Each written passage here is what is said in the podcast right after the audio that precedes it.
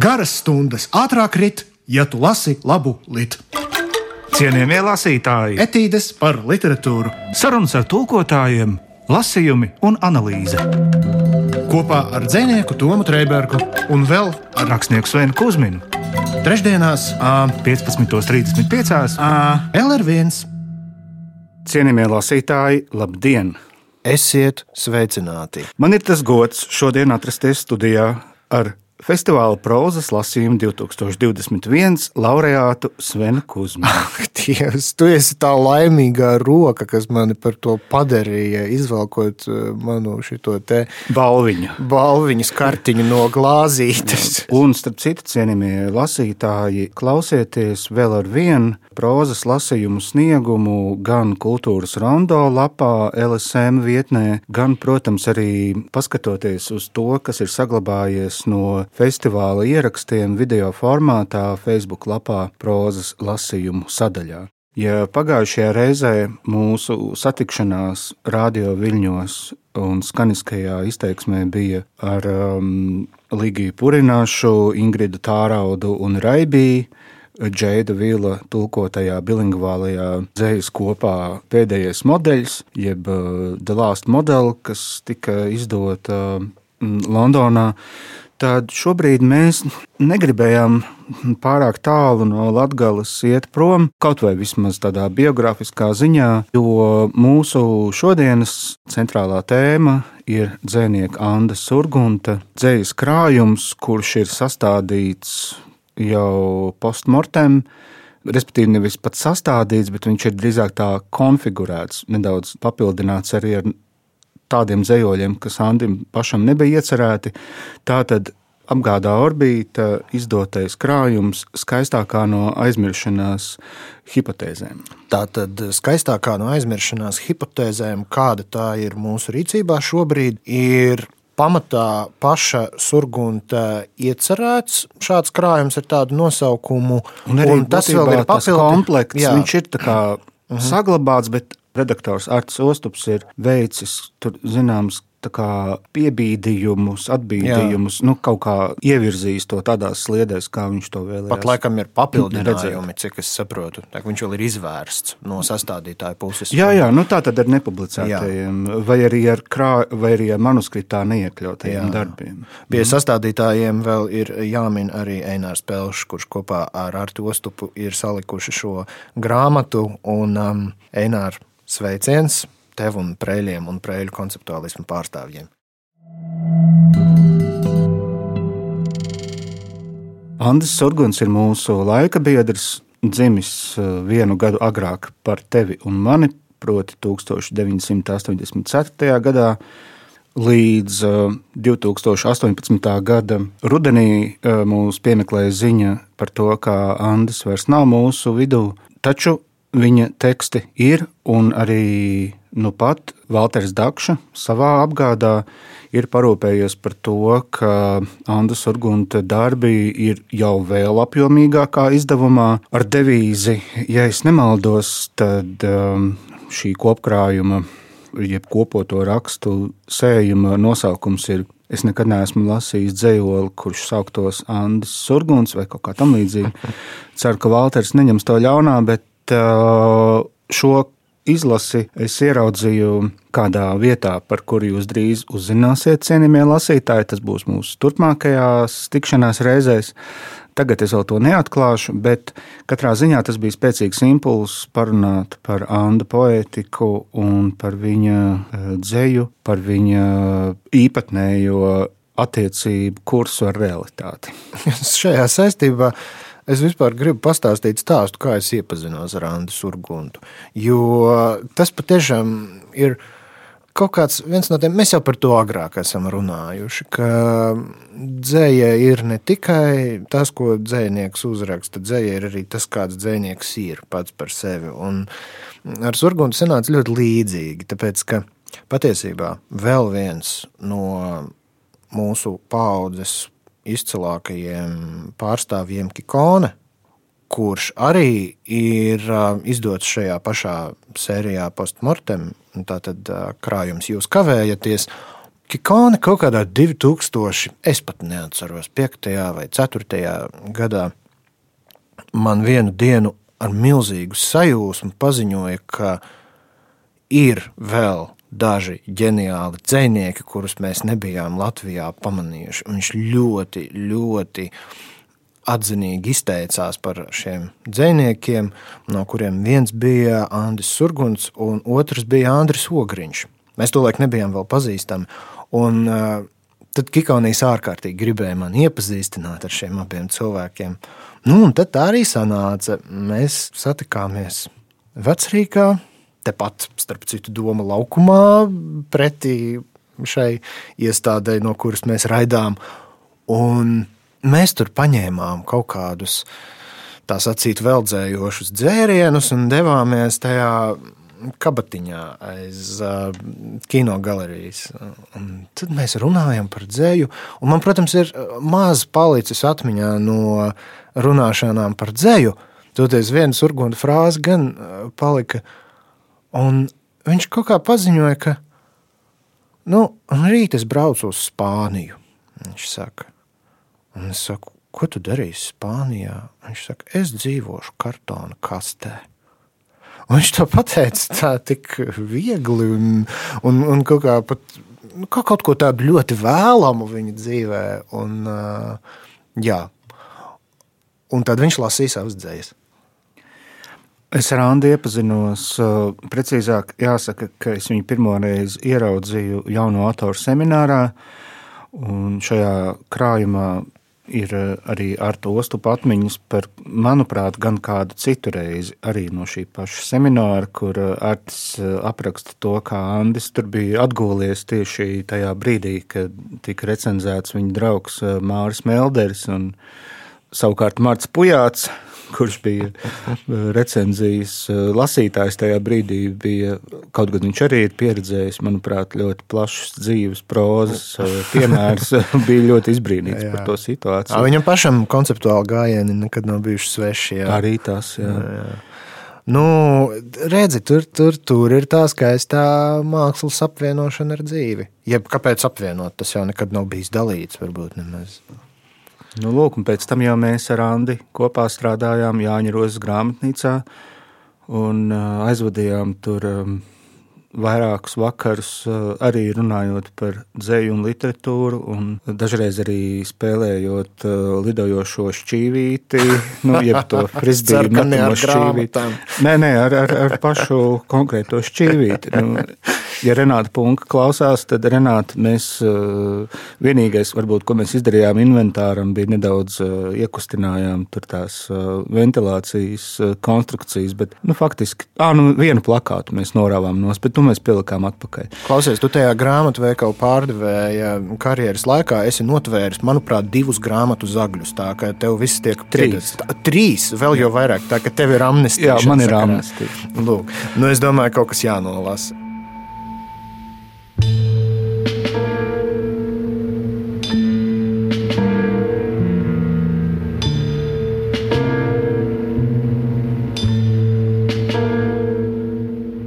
Alkohols vairāk neapskaidro kā agrāk. Atver pudeli, atliec galvu, ierasti malkojot debesu ķermeņus, aplūko, spītējot viduslaiku traktātiem. Saule vairāk ap zemi neriņķo. Mākoņu un ābeļgalotņu tonējumā krāsas vairāk ierasti nestaro. Acīm redzot, mālētājs nomainīts, jeb šu citās siekalās otrs mērķis. Atcerot, ka vienīgi aizkostā ābola arhetips palicis vairāk kārt nemainīts.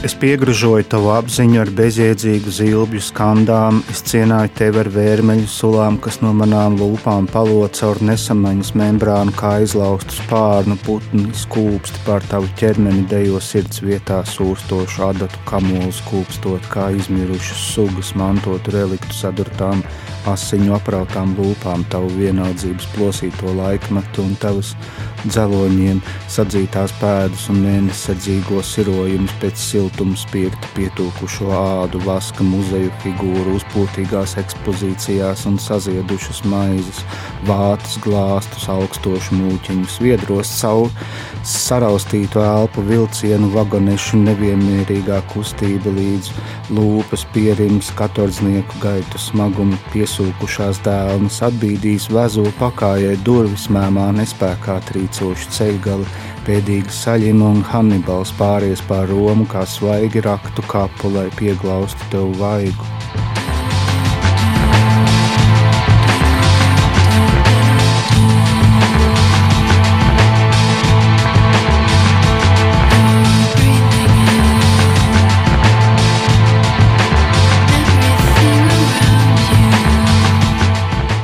Viena no būtiskām iezīmēm, kas uh, arī paskaidro Anna dzēju, ir viņa aizrautība ar akadēmisko pasauli. Proti, viņš tāpat kā es ir absolvējis teoloģijas uh, fakultāti Latvijas Universitātē.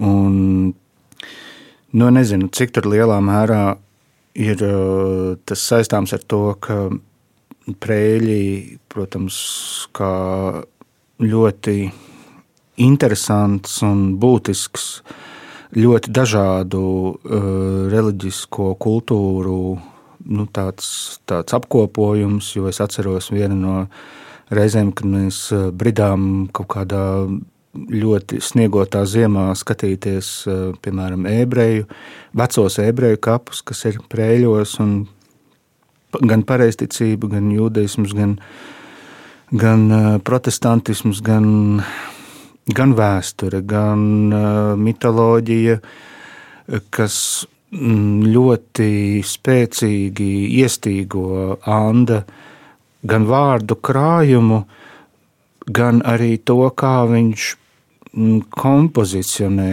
tos kultūra tēlus un vispār visu šī nodarbošanās ar rakstītā vārda vēstures atjaunināšanu dzējā, tieši dzējā.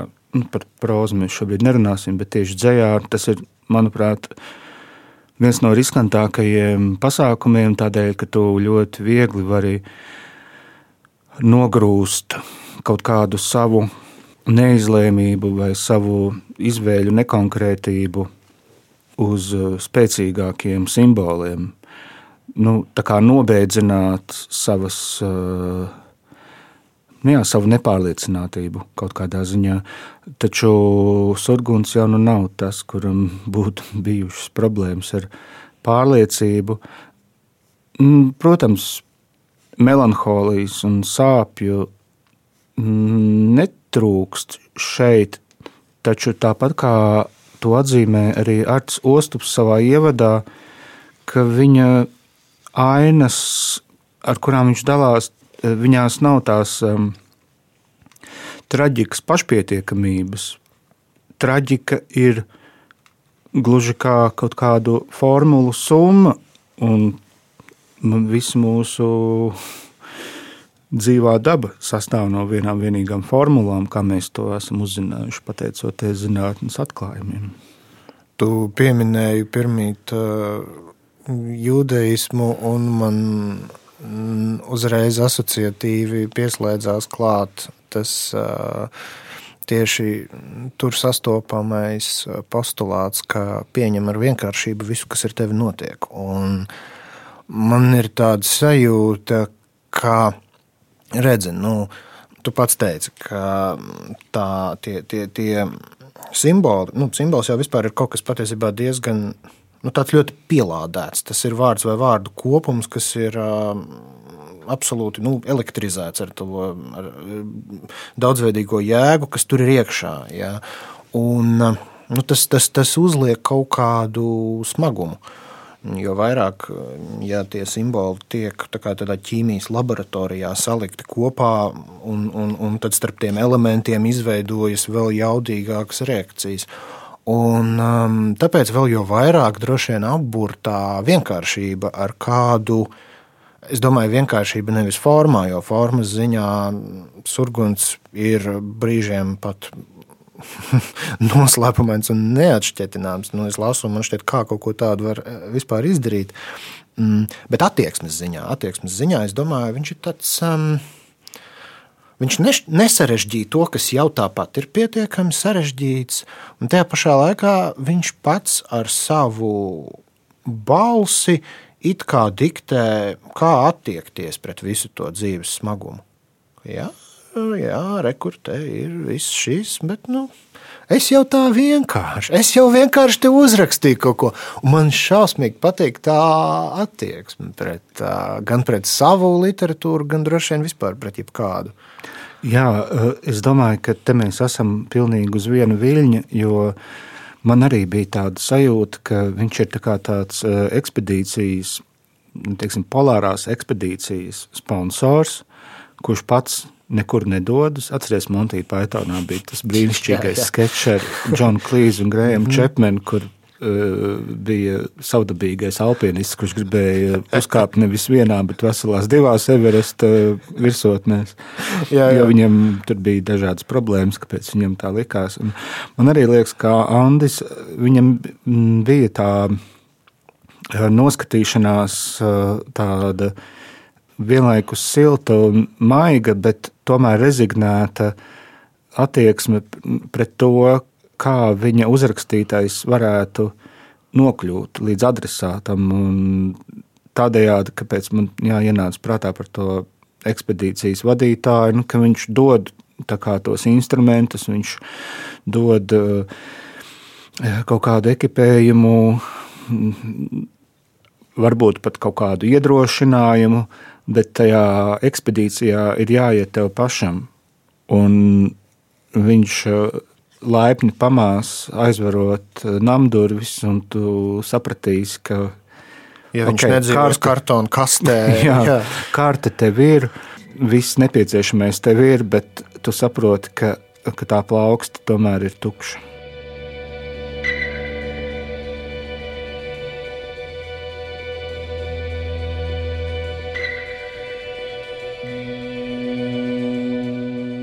Melna pantera, munka, madonas, zīdīta būra, stiegru hieroglifos, brīvības atklāsmi radusi, tērauda koka zaros, savu augumu izklāja, sniegs tās vilnā kritis.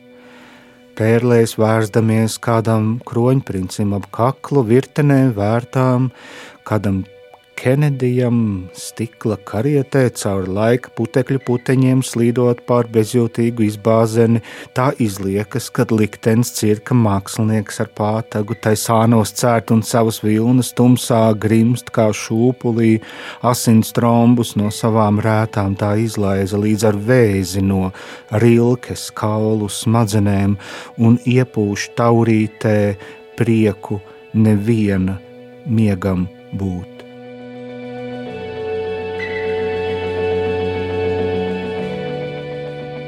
Tagad es pīpēšu tikai tavā klātbūtnē, lai tu zini, ka tu esi vismaz tajos momentārijos, kad manis nav līdzās.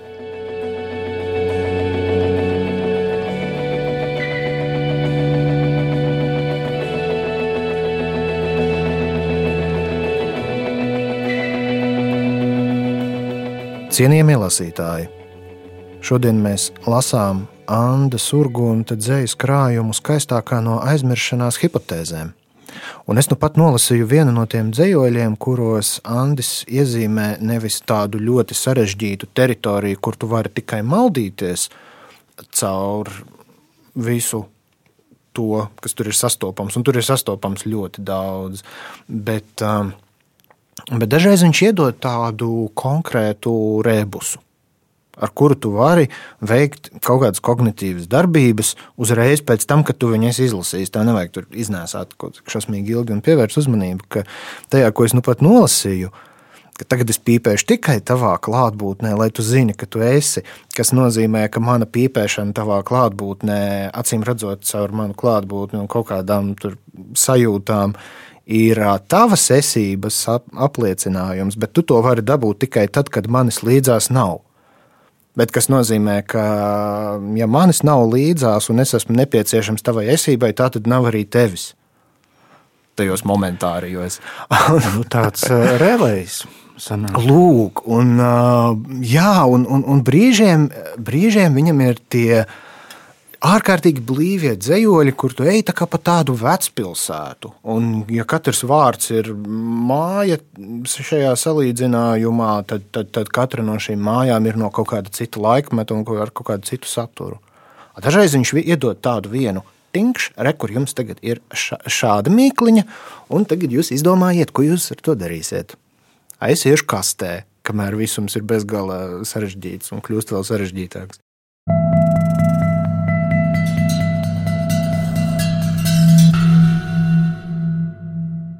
Domājot par to nosaukumu, kuram grāmatā ir risinājums, bet es viņu tik un tā gribētu, ja ne rekonstruēt, tad kaut kā vēl tam no cita rakursa pieiet klāt. Varbūt, ka skaistākā no aizmiršanās hipotēzēm tiešām arī ir tā dzēja, jo, ja mēs pieņemam to vienu no galvenajiem funkciju lielumiem dzējai to, ka tā ir atsvešināšanās un notiekošā paskaidrošana pašam tur nesot klāt.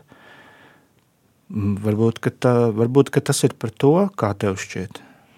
Mm, nu, man vispār patīk tas vārds aizmiršanās tā iemesla dēļ, ka viņš. Nu, ko nozīmē aizmirsties? Tas nozīmē vismaz uz brīdi, parasti uz ierobežotu laiku, zaudēt atmiņu par to, kas tu esi.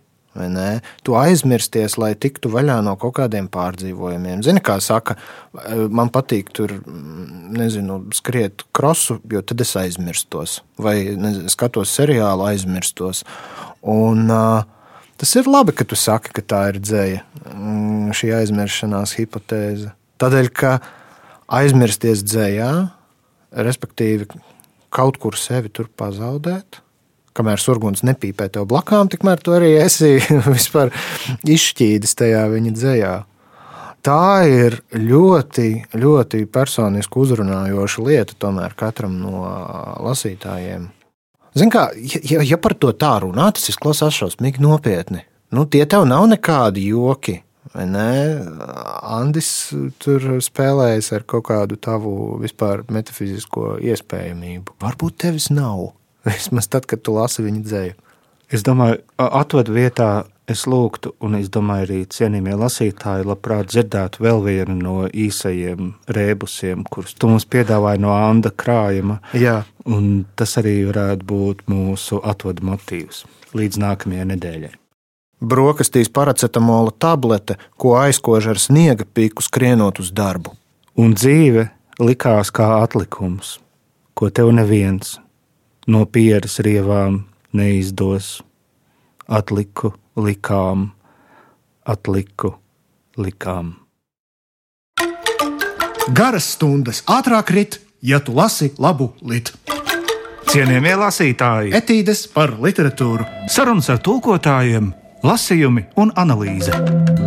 Kopā ar dzinieku Tomu Trēbergu un vēl ar rakstnieku Svenu Kusminu. Trešdienās, 15.35. LR1